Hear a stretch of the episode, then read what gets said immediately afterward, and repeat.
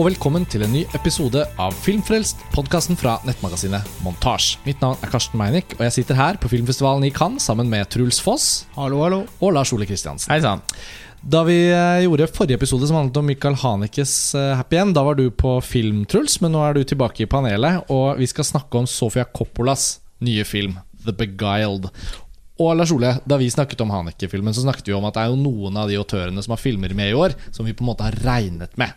Det blir jo noe med den Haneke-filmen. Og så er det jo Sofia Coppola. Det er kanskje den filmen jeg har Eller vi alle har eh, både gledet oss veldig mye til, men også følt litt at den, i det minste, leverer. For det har jo vært et litt svakt år, og, og The Beguiled har da på en måte vært pålen. Det, har vært, det har det virkelig vært. Altså, fyrtårnene i år har jo på en måte egentlig eh, Fordi det har vært en sånn En type hovedkonkurranse som man på forhånd kunne anta at kunne bli litt hva som helst. Eh, det var ikke bare sånne helt sikre kort eh, som befant seg i den bunken. Men de som var det, var eh, Michael Haneke, selvfølgelig, som vi allerede har snakket om da, og som skuffet oss litt.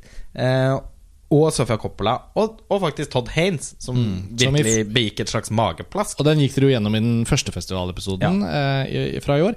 Eh, Og så er det ikke sånn at vi da ikke gleder oss aller mest til, til eh, Twin Peaks og eh, til David Lynch. Og se hans store comeback i, i Lumière-teatret.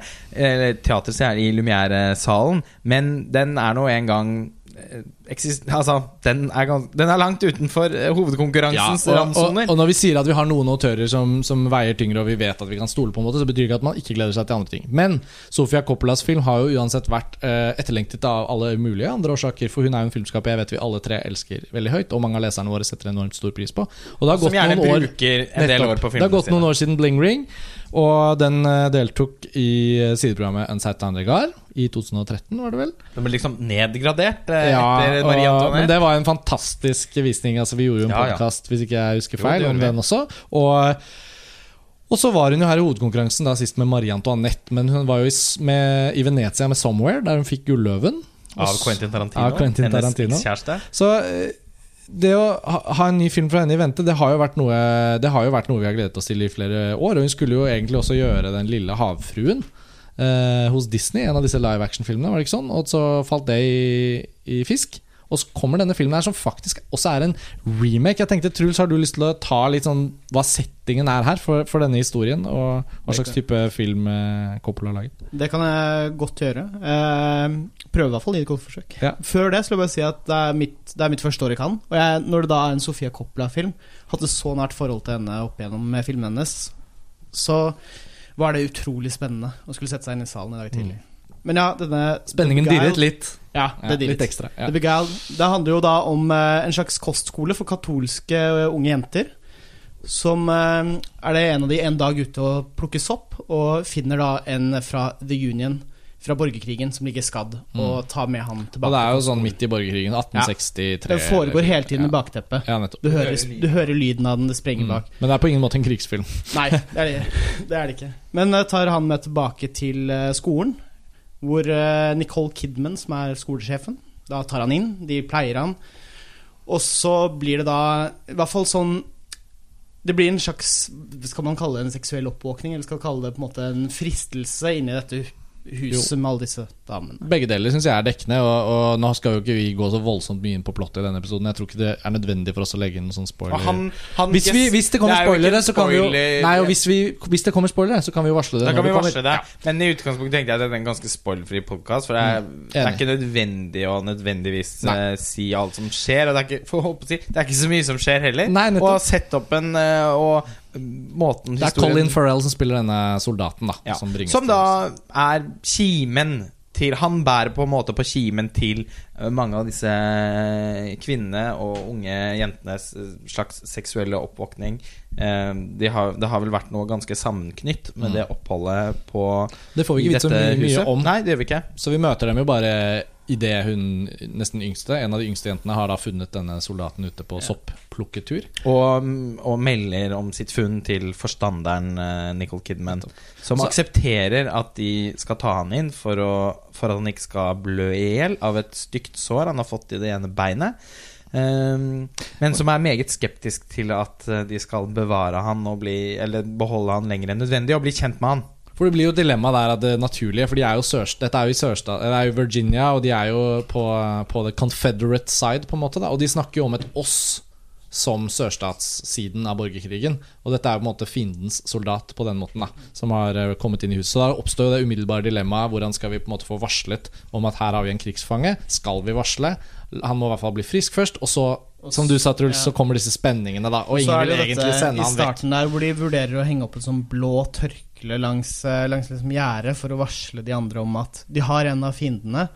Men så er det, han er såpass hardt skada, da kommer Mm. han til å dø, og de er jo ganske kristne. Så da tenker de at som gode kristne så skal de pleie han Mm. før han sendes ut igjen. Ja, Og det er sånn på ære og samvittighet at de Mm. bestemmer seg for å holde han der. Og som sagt så er det jo en remake. Det var en film Don Siegel lagde med Clint Eastwood i den mannlige hovedrollen på, tidlig på 70-tallet, og ingen av oss tre har sett den. Jeg gikk aktivt inn for ikke å se den da Coppolas film ble annonsert. Det er jo på en måte mye morsommere å se Sofia Coppolas nye film blankt enn å forholde seg til en ganske lite kjent eh, 70-tallsfilm med Clint Eastwood.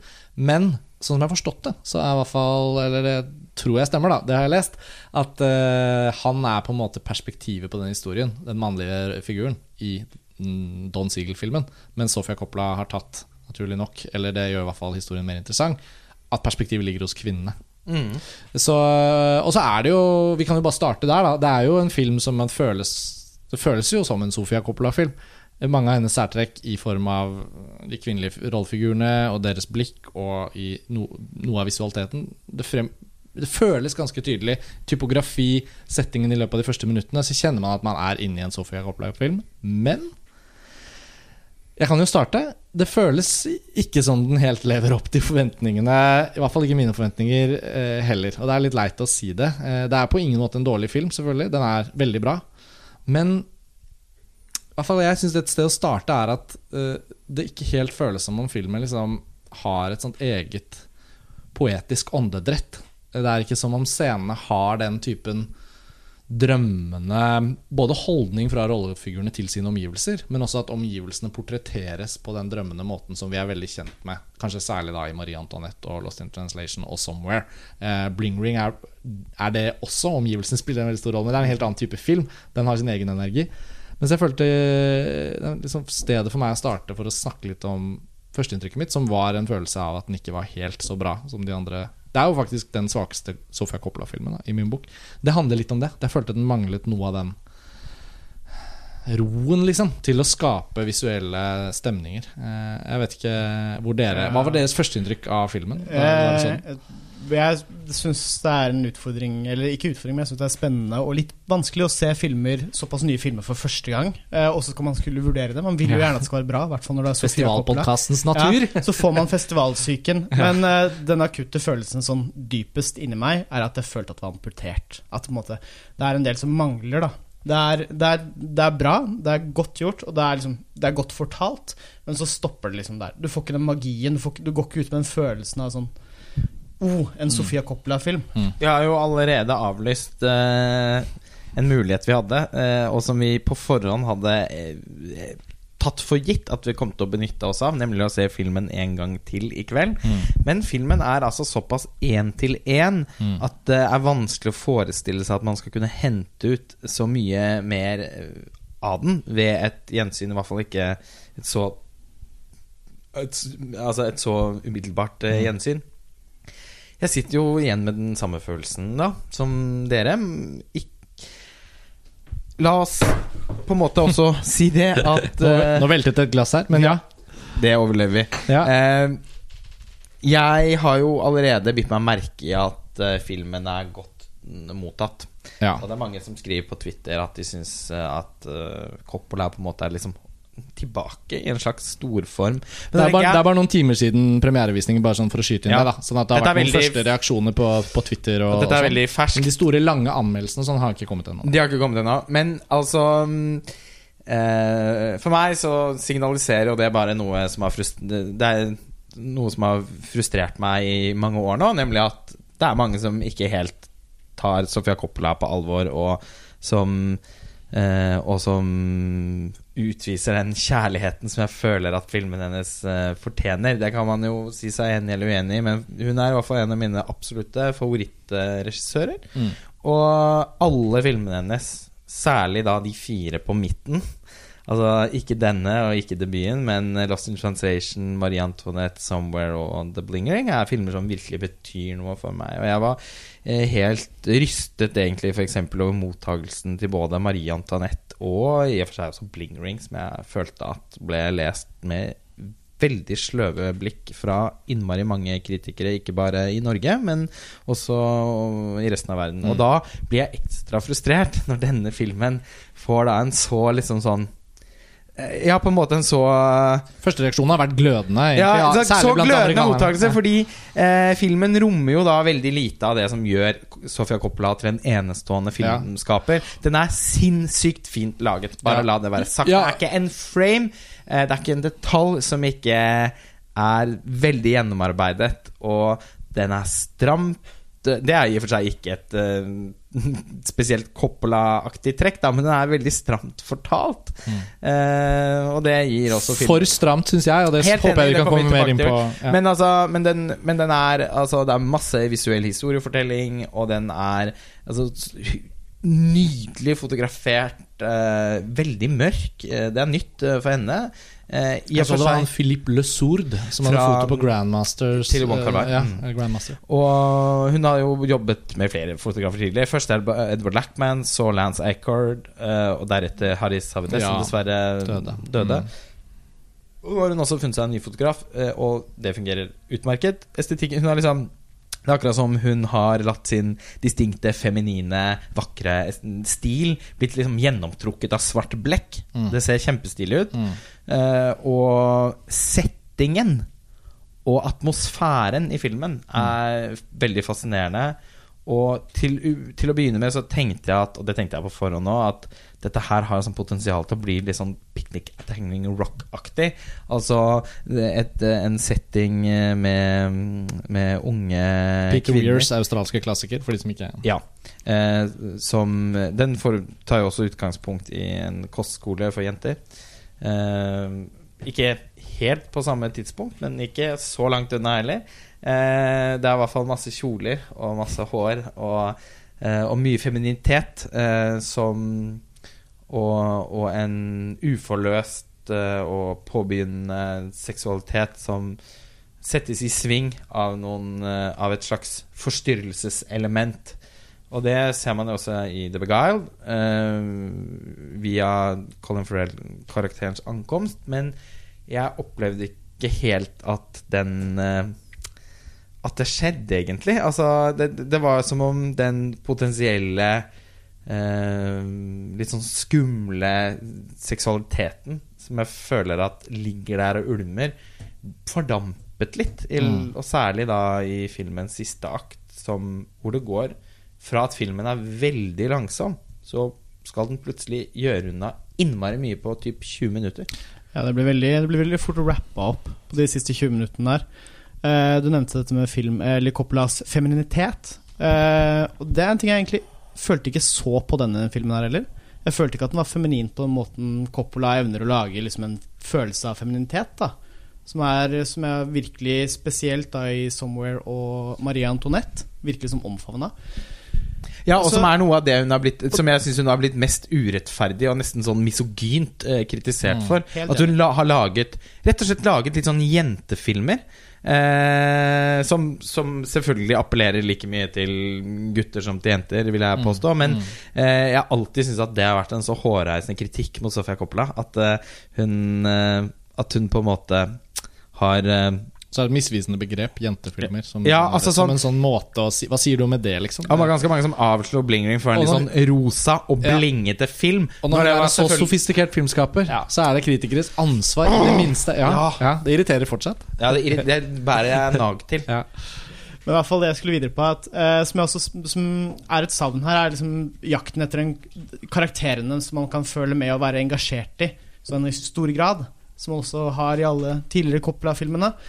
Her er det også manko. Jeg føler at det er det er et savn etter virkelig å føle på karakterene. For de blir også i veldig stor grad bare disse damene som går rundt i dette huset, eller jentene, da. Uh, og så kommer soldaten inn. Det blir aldri Jeg syns faktisk aldri de blir ordentlig ordentlige karakterer. Det blir fort litt sånn de har noen trekk, og de brukes. Mm, Men det går kunne mer i dybden der. er Og det er sånn at- kanskje litt for mye å be om i en type film som det her. Jo, Nei, det syns jeg ikke, fordi eh, skal hvis, eh, hvis dette ensemblet, på en måte, eh, denne gruppen, eh, skal virkelig skal fascinere og på en eller annen måte gripe oss, så er vi nok faktisk nødt til å bli litt mer kjent med dem. Jeg er enig i din observasjon, Truls. Det virker som om de, er udelt, de, er liksom, de har fått liksom hver sin egenskap som skal til for plottets mekanikk. Men, så, men de føles ikke som spesielt menneskelige. Det- Hvilket er helt nytt i en Coppola-film for Ja, meg. det det. Jeg har alltid blitt så utrolig glad i alle hennes rollefigurer. Eh, på tross av alle deres mangler. Eh, for eksempel i The Bling Ring, da. Ja, for jeg skulle til å si Bling Ring er egentlig beste eksempelet. Ja, og det er også også en hel sånn gjeng. gruppe, ja. Mm. Og blir kjempeglad i alle sammen. Ja, og, og hun sier veldig mye om hvem de er som mennesker på veldig smarte, små scener. Du skal ikke, du skal ikke se så mye av hver og en av de for å skjønne dem bedre. Jeg syns vi er inne på egentlig noe ganske viktig, og jeg tenker at det er ikke en spoiler å bruke noen eksempler fra åpningen av filmen. Fordi det tenker jeg illustrerer for lytterne ganske tydelig. Og jeg tror mange kjenner Coppola veldig godt, akkurat som oss, og som hører på Filmfrelst. Så vi har altså å gjøre med et veldig sånt klart premiss, som egentlig er det aller, aller første. Hun unge jenta som samles opp, går ut i skogen og kommer over en soldat som ligger skadet. Og hennes instinkt er å hjelpe han, selv om han er fienden. Og jeg tror man alle skjønner, og det ligger veldig i kortene, at det identifiserer hun med en gang. Det er ikke sånn at hun ikke vet om hvilke soldater som er fra hvilken side. Og sånn. Det er veldig sånn Ok, du er en Union-fyr, men du er skadet, og jeg skal hjelpe deg. Så tar hun han med tilbake til huset, og da er det i ganske rask rekkefølge på en måte Ok, Nicole Kidman, ok, hvor skal vi plassere denne mannen? Vi må ta han inn. Vi må finne, Nå er det en nødsituasjon her, nå må vi finne fram liksom, bomull og vann. Og så må vi rense såret og sy det og fikse han opp. Så fra og med at han er liksom øh, sydd opp og lagt i sengen sin, så syns jeg jo på en måte egentlig filmens åpning fungerer veldig fint. Og den er veldig ren og rask på å få etablert det. Det er en kort sånn undervisningssituasjon og Kirsten Dunst, som er den eldste av dem, underviser Altså etter Nicole Kidman, da, underviser de yngre jentene i fransk. Eh, og så eh, hører de at hun kommer med han soldaten og roper hjelp, og så sant, skjer det. Men etter at han da på en måte ligger og sover da, og hviler ut etter å ha blitt sydd, og ikke har helt våknet til ennå, så går filmen helt unødvendig raskt frem. Og vi får på en måte ikke Vi får ikke se den roen og den gryende nysgjerrigheten hos de forskjellige jentene overfor denne soldaten. Det blir bare på en måte påstått gjennom at scenene som da følger veldig konkret og veldig raskt, hopper til at uh, Elle Fannings karakter eksempel, har et litt sånn lumsk blikk og har noen planer uh, om å eh, er Litt sånn frekk i kjeften og eh, kanskje litt rebelsk. Men det, det får vi liksom ikke se skje. Det blir liksom umiddelbart sagt. Og så er det også Kirsten Dunst som da eh, er tilbakeholden, men også kjenner på en For hun er jo mer på en måte i aldersgruppen for et eventuelt forhold med denne mannen. eh, Kanskje Nicole Kidman òg, men hun er eldre enn han igjen. Alle har sin form for nysgjerrighet og begjær. Og hun minste som finner han, hun har jo på en måte fått seg en venn. Så hun har jo mer det perspektivet. Men hver av de scenene som da introduserer dette, de kommer liksom for fort og uten oppbygging. Og Vi får ikke engang se at han liksom våkner og ser seg rundt, og hvor er jeg? Det er liksom klipp til han er våken. Og så syns jeg i den fasen der så skjer det for brått, og det føles nesten ut som at det er tatt ut scener som har hatt den utviklingen. da. Som igjen gjør at jeg tror at noe av filmens mulige handlings... Altså tematikk, det eh, blikket, det kvinnelige blikket, gryende seksual Alt vi er inne på nå. Egentlig syns jeg ikke filmen klarer å introdusere det på en rolig og troverdig nok måte til at vi liksom får være med på det. Så den følelsen av at det blir påstått, den henger igjen ganske langt ute i filmen, egentlig. da Men eh, for å prøve liksom kjapt, i korte trekk oppsummere det litt, kan man si at, eh, at denne filmen mangler litt av Sofia Coppolas sensibilitet for liksom karakterenes psykologiske reise.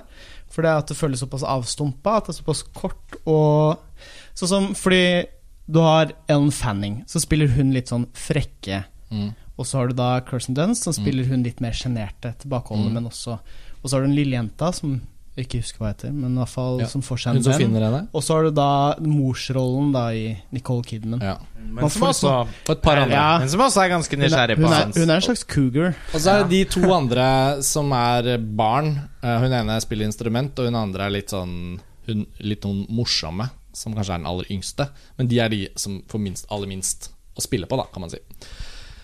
Men ja, altså, jeg vet ikke Det er bare Altså, det det er hennes minst personlige film. Jeg syns jo begynne Eller begynne avslutningen der. Eh, at eh, Jeg synes at Den filmen den har mest til felles med, er The Virgin Suicides. eh, som, ikke, som er mindre Altså, den, den har ikke, syns jeg i hvert fall, et fullt så tydelig og tør avtrykk som de fire filmene hun har laget etterpå. Eh, og den er litt mer én til én, den òg. Den har ikke så mange rom som jeg syns eh, med, Og ikke, det er ikke så mange dører som kan åpnes, som i Marie Antoinette eller Somewhere eller Lost in Translation. Men, eh, men, men likevel så er det en film jeg også setter, setter veldig veldig stor pris på. Og settingen Det er jo Der lager hun jo virkelig også en sånn mikrokosmos. Store deler av handlingen spiller, utspiller seg i og rundt et hus. Et slags mikrokosmos i Marie Antoinette også, men det er et veldig stort mikrokosmos. Versailles. For det er Versailles. Så, Ikke akkurat et lite hus. Nei. Så, men hun er jo glad i å bruke sted og miljø for å uttrykke rollefigurenes sinnsstemninger. Det er jo hennes spesialitet. Altså hun Ja, jeg har, tenkt, jeg har alltid tenkt på henne som vår tids Antonioni. Eh, fordi jeg syns ikke noen annen amerikansk filmskaper, i hvert fall, i, på de siste Ja, i, altså, i moderne film, er, er like god på å skildre fremmedgjorthet eh, og uttrykke det med, med menneske, mennesker i en helt bestemt type setting. Ja. Arkitektur i Lost in Translation og Marie Antoinette Ja. og i Somewhere. Ja. Um, Det er egentlig et veldig viktig poeng dette om denne filmen. For det er jo nettopp det her den er minst god på, da og minst interessant på. Ja. Uh, når, når vi var inne på Marie Antoinette nå uh, Lars Ole, du og jeg fikk jo virkelig varmet opp til The Beguiled ved at vi hadde denne helt fantastiske visningen av eh, Marie Antoinette på 35 mm i Berlin for tre måneder siden. Vi kom så vidt inn på det i podkasten om den Lumière. jeg tror faktisk det slukte ti minutter Ja, av podkasten. ikke bare så vidt. Men vi var vi var så høye på Ja. den opplevelsen. Og, og nå som vi har ja, Marie Antoinette såpass frist i minne, selv om vi har veldig eh, nært forhold til den filmen fra før av Det er jo også et bra eksempel. Altså, når Kirsten Dunst, Marie Antoinette, tilbringer ganske mange scener i rom i liksom blikkvekslinger med dette nye livet som prinsesse. eh, Og liksom Det er så mye som er sånn stille, men likevel dirrende stemnings- og psykologi. Skal, apropos det, Truls. da Altså, vi, vi blir så klar over hennes forhold til rom. Og her i The Beguiled så er det premisset er jo nesten hun kan, hun kan jo på helt samme måten. Altså Tenk så få bilder det var av blikk gjennom døråpninger. Lyden av liksom sånn, Bare sånn Hvis han soldaten har reist seg og går rundt, hvorfor er vi ikke i etasjen under og hører gjennom en av de jentene forholdet mellom hvor er det han beveger seg i huset, når er han, er han og liksom Det var så lite av det, men det var så åpenbart at det kunne være der. Nesten så jeg føler de har vært der og blitt klippet ut. da For filmen føles tidvis sånn helt sånn merkelig stram. Og siden jeg Han har jo aldri ikke fått anledning til å på en måte trekke pusten igjen. Og tilbringe tid med Og det gjør man ikke etter, på tross av at den første timen er veldig langsom. Langsom. Ja. Eh, Men på den feil måten. på. Ja, fordi jeg syns at man har proporsjonert denne filmen ganske underlig. Eh, på slutten så går det veldig raskt i svingene, og opptakten, den syns jeg ikke har så veldig mange Det er ikke så mange trinn på den trappen. Den bruker veldig lang tid på å gå opp ett trinn. Mm, mm. Eh, og så skal den gå de ni neste trinnene.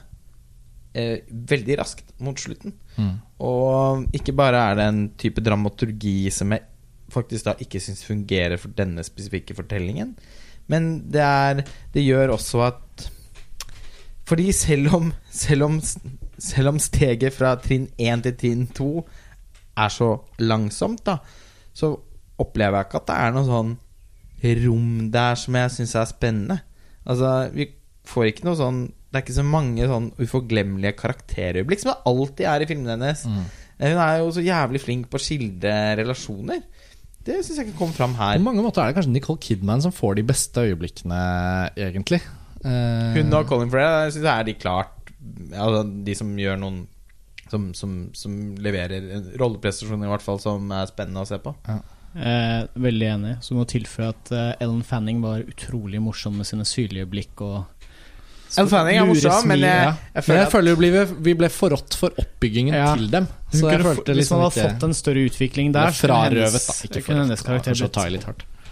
Men hun er jo så hun har potensial. Men jeg syns ikke hun endte opp med å bli noe spesielt. Nei. Uh, Nicole Kimmen, derimot er uh, Hun kan sette et blikk i deg som som, som eh, veldig få andre kan. Og Mm. hun benytter den muligheten ganske mange ganger i løpet av filmen. Henne sånn som matriarken.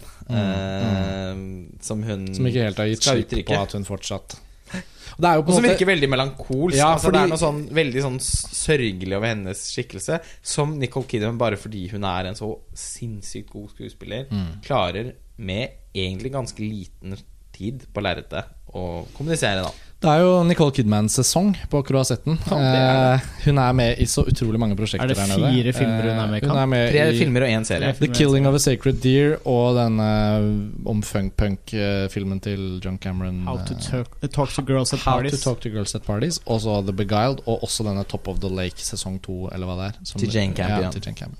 Men eh, en ting som jeg fikk lyst til å si litt om, eh, bare ikke så veldig lang digresjon Det ligger jo ganske Det ligger egentlig en sterk følelse av tap hos alle disse kvinnene og jentene. Altså Når han kommer, så, for, så blir så vidt sagt uh, i, for, I forbindelse med noen av krigshandlingene så ble alle slavene eh, rømte fra denne estaten, eller ble sendt vekk. Og borgerkrigen i USA markerte jo også slutten på slaveriet, eh, ettersom Union vant. Men de har liksom tapt menn, mistet kontakt med far, blitt sendt vekk. Altså sånn, det er en følelse av at alle disse barna er foreldreløse, på sett og vis. Og, og Kirsten Dunst og Nicole Kidman som voksne har på en måte et veldig sånt altså De er syltet i en form for sorg som filmen indikerer. Og der føler jeg enda et sånt potensial da som kunne kanskje vært utforsket med. Det hadde ikke trengt å vært noe sånn konkret, et flashback, eller at de sitter og forteller noe ekspositorisk. Men der er det et mulighet for nok en sånn Coppola-aktig At de i en større grad av sørgmodighet kan på en måte dvele ved den situasjonen de er i. Og at et eh, begjær for denne mannen kan komme mer fra det. Men det ble liksom ikke tid til at det kom fra noe. Han bare var der og var Colin Farrell med skjegget sitt og sin mandighet og sin sånn gjørmete Ja, og det ble jo heldigvis forklart da at han var en irre som hadde kommet rett av båten og, Ja og, og tatt eh, penger for å ta noen andres plass. Han var en slags sånn mercenary, da, betalt soldat. Um, men ja, jeg, vet ikke, er dere enige? At det, jeg følte det er den typen ting som ikke filmen lykkes i å legge som grunnlag for det som faktisk skal skje. Men tror du ikke også det er et problem for filmen at For det er i hvert fall noe meget nytt. For I, i Sofia Coppola-fanperspektivet, Mm. hvor man selvfølgelig eh, som, som er et litt sånn et, eh, Ja, på en måte litt begrensende perspektiv også, fordi det innebærer at man ja, man også vil ha mer av det samme. Og, at ikke, og at ikke hun kan gjøre noe annet. Ja. Ikke sant? og det unner jeg henne. Ja, selvfølgelig. Eh, At hun, og jeg tror det er helt riktig tidspunkt i karrieren å lage en mer konvensjonell film. Eh, og hun har ikke Altså, kritikerne, selv om jeg syns de er på bærtur, så har ikke hun blitt så varmt omfavnet siden Lost in Translation. Det er til og med sånn man merker det på festivaler man snakker med folk og liksom Å, så for Copland er det Nei, syns jeg ikke er good. Hvorpå man må bare heve øyenbrynene og Ja. riste på det. Og ta, Ja. gå og kjøpe ny øl. Ja. Men mm, mens når man Og vi felle, Altså føler tar seg sånn vepsebol får jeg Coppola-entusiasme. Jeg har alltid så, så sterkt bak henne. Ja. Og, eh, men sant, det innebærer jo også at man vil ha de tingene da som gjør at man elsker Mm. Coppola. Og en av de tingene hun er best i verden på, det er å bruke musikk. Og i denne filmen har hun valgt å ikke bruke musikk. Det er et par sånne No Country for Old Men-lignende droner, som Mm. ikke ville sagt. Komponert av Phoenix, som er jo underforstått hennes eh, mann. Og det som da var På forhånd så var det Både du og jeg, Lars Ole, har jo lest Eller tror vi har lest et sted at Kevin Shields kanskje skulle lage noe til den filmen her. Ja, og, da, og det er har vært på ryktebørsen. Ja, vi er på ryktebørsen, men, Men det er var vel Vi må vel ha det- misforstått Ja, det er misforståelse, men uansett, da, da kan man jo forestille seg ikke nødvendigvis et sånn eh, Marie Antoinette-soundtrack, men et eller annet litt annet, men fortsatt noe musikk Ja. som er Ja, altså, jeg, bare, jeg hadde det er jo håpet en av de at du skulle jentene som spiller litt musikk, da. Det må vi skyte inn. Ja da. Både litt piano piano og og fiolin. Ja, og det er fint. fiolinscenen var veldig dårlig, forresten. For det var så åpenbart at hun ikke spilte på den. Ja, det var ikke så Det fint. synes jeg var flaut. Ja, ja, Det varte bare noen sekunder, da. ja, og du som Ja. Alle Jeg har sett søstrene mye dine fi- er jeg, har fiolinister! sett, jeg har sett mye fiolinspilling, da. Så. Eh, men, men den pianoscenen syns jeg faktisk var skikkelig fin. Eh, Men, men ja, jeg, jeg, sier, jeg sier ikke at det, var rikt, hadde vært riktig for filmen å ha musikk. Det er veldig sånn der, tydelig kunstnerisk valg òg. Nei, her er det bare Det er det. lyden av kanoner i bakgrunnen. Ja. For- for- Og, og de riktig. kanondrønnene og sånn var jo helt fantastiske. Det var fantastisk. Altså, åpningsscenen Ja. er jo Virkelig var jo, fantastisk. Satte jo lista, Mm, ja. la lista veldig høyt. Ja, ja. Men eh, Men det blir jo et savn, da. Fordi eh, hun, hun er så utrolig god på å understreke følelser med musikk. Mm. Og når hun da velger å ikke Når det liksom ikke lenger er en del da, av vokabularet hennes i denne filmen, så er det også noe som mangler. Uh, Med, føl- uh, med Sofia Coppola-fanperspektivet, som Ja. du sa. ja. For med Sofia Coppola Man må jo bare være Ja, ja, ja, man må være ærlig, være det interessante med at du tok opp det, er jo at noen har- kan oppleve filmen uten det perspektivet.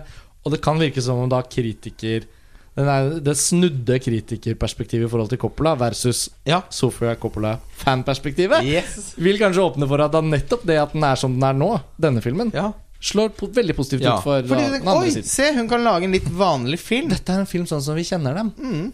Og det er jo Jeg syns jo det er helt utrolig hvordan man skal etterlyse at filmskapere skal være mindre seg selv. Men det er jo klart, man har jo litt Noen har et eh, Ja, vi har jo gjerne da veldig sånn eh, Sikkert for noen også litt sånn noen ganger veldig låst og tør perspektiv. Man trenger ikke å det, Hver sin lyst. Ja. ja.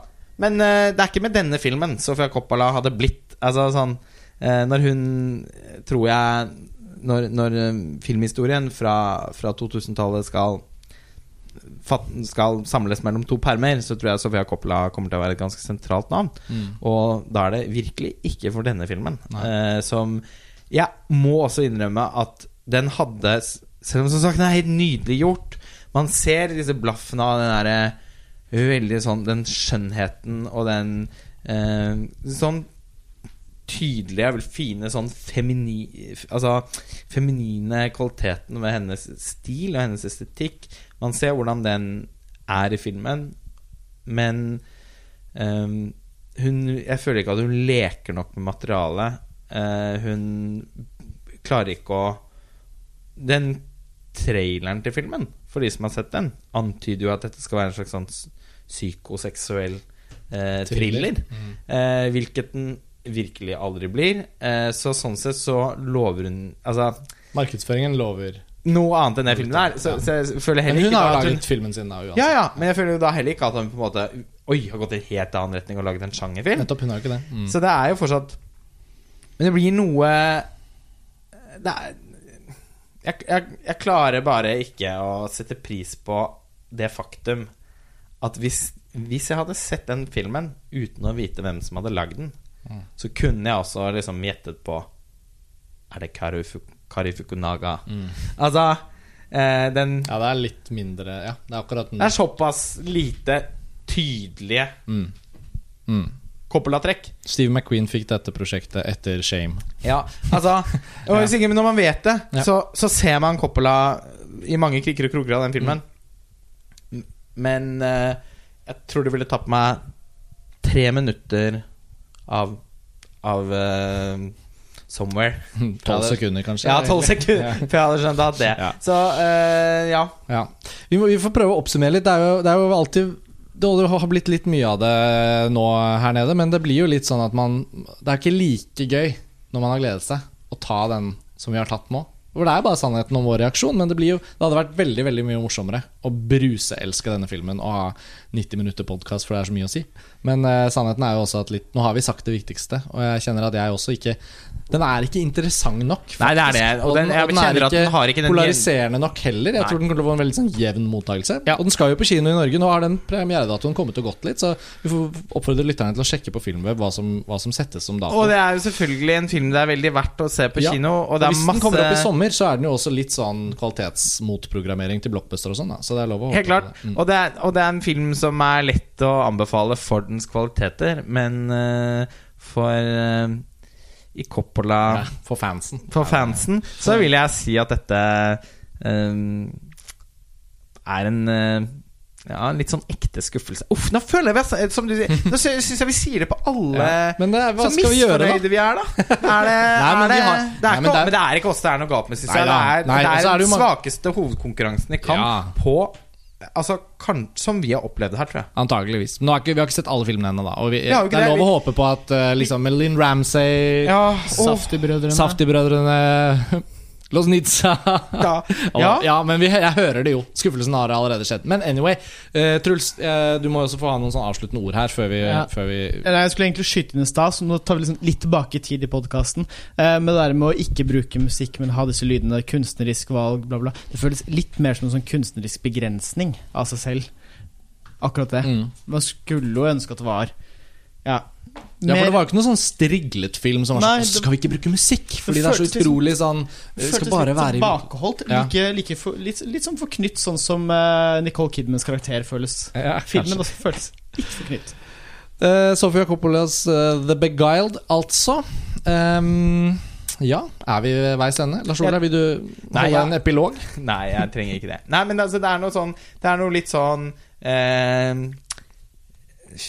Det er noe litt sånn eh, velkledd og flinkt eh, Disiplinert over denne filmen, som ikke representerer det jeg elsker med Sofia Coppola. Jeg har ikke blitt glad i rollefigurene. Mm. Jeg syns ikke stemningene har satt meg i brann. Jeg syns ikke det er nok rom i filmen til at man kan utforske den og snu den på hodet og se den fra høyre og venstre mange ganger.